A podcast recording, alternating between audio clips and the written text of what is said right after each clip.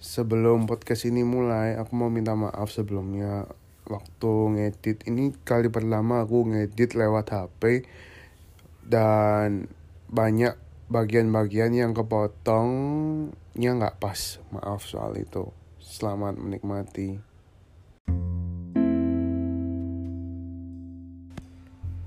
Belas Mei 2019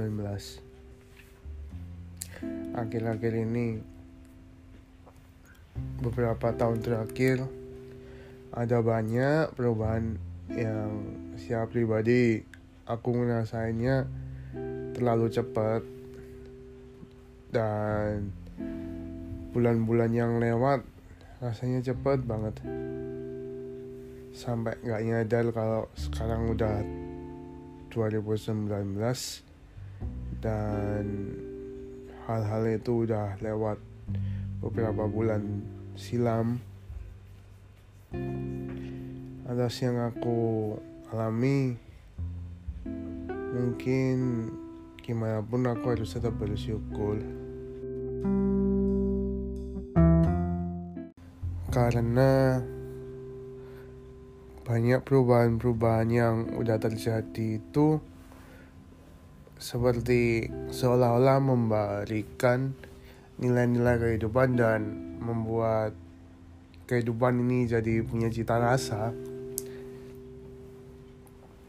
Beberapa masalah itu contohnya kayak seperti tiba-tiba banyak temenmu yang udah mulai punya anak udah nikah. Nah sedangkan kamu apa ya masih tetap lontang lantung untuk misal bertahan hidup kayak mulai yang biasanya kamu gampang dapat transferan uang dari orang tua. Tapi mulai sekarang di umur-umur segini rasanya kayak ada rasa sungkan untuk tetap hidup di bawah di bawah ketiaknya orang tua. Pengen gitu rasanya bisa independen tapi mungkin perjalanannya masih lama. Cuma ya tetaplah harus dijalani.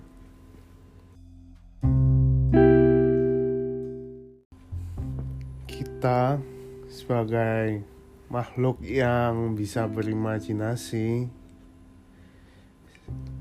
bagaimanapun caranya kita harus pintar-pintar untuk mengimajinasikan harapan kita supaya kita tetap bisa punya semangat untuk hidup. Hmm, tentu aku punya beberapa harapan dan impian. Beberapa harapan dan impianku yang belum tercapai kayak ya semua orang pengen lah ya punya pasangan hidup. Dan itu membuat apa ya hidup seenggaknya jadi lebih enteng gitu. Yang biasanya kamu ke mana-mana dan ngapa-ngapain sendiri meskipun nanti ending-endingnya pasti ada konflik. Tapi seenggaknya banyak hal banyak aspek kehidupan yang jadi terbantu. Misal kayak di kamar ada rasa untuk membantu teman atau membantu pasangan hidup kita untuk mempunyai hidup yang lebih baik. Jadi kayak saling support. Pernah aku baca satu bagian dari komik yang bilang kalau benar atau enggak sih kalau misal dengan saling menjaga kita sudah menjaga diri kita sendiri menurutmu bisa kan diterapin dalam kehidupan kita sehari-hari?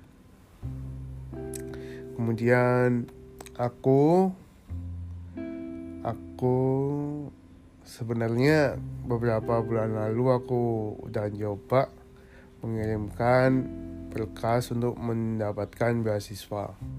Tapi ya kita lihat nanti aslinya bagaimana di akhir bulan nanti semoga ya besar sih harapanku supaya aku dapat beasiswa itu soalnya kalau misal beneran berhasil ya aku sengaja punya achievement dan aku merasa lebih pede sama diriku apalagi aku bisa punya kesempatan untuk sekolah di luar negeri dan saya dapat saku bulanan tanpa meng memberatkan orang tua di sini.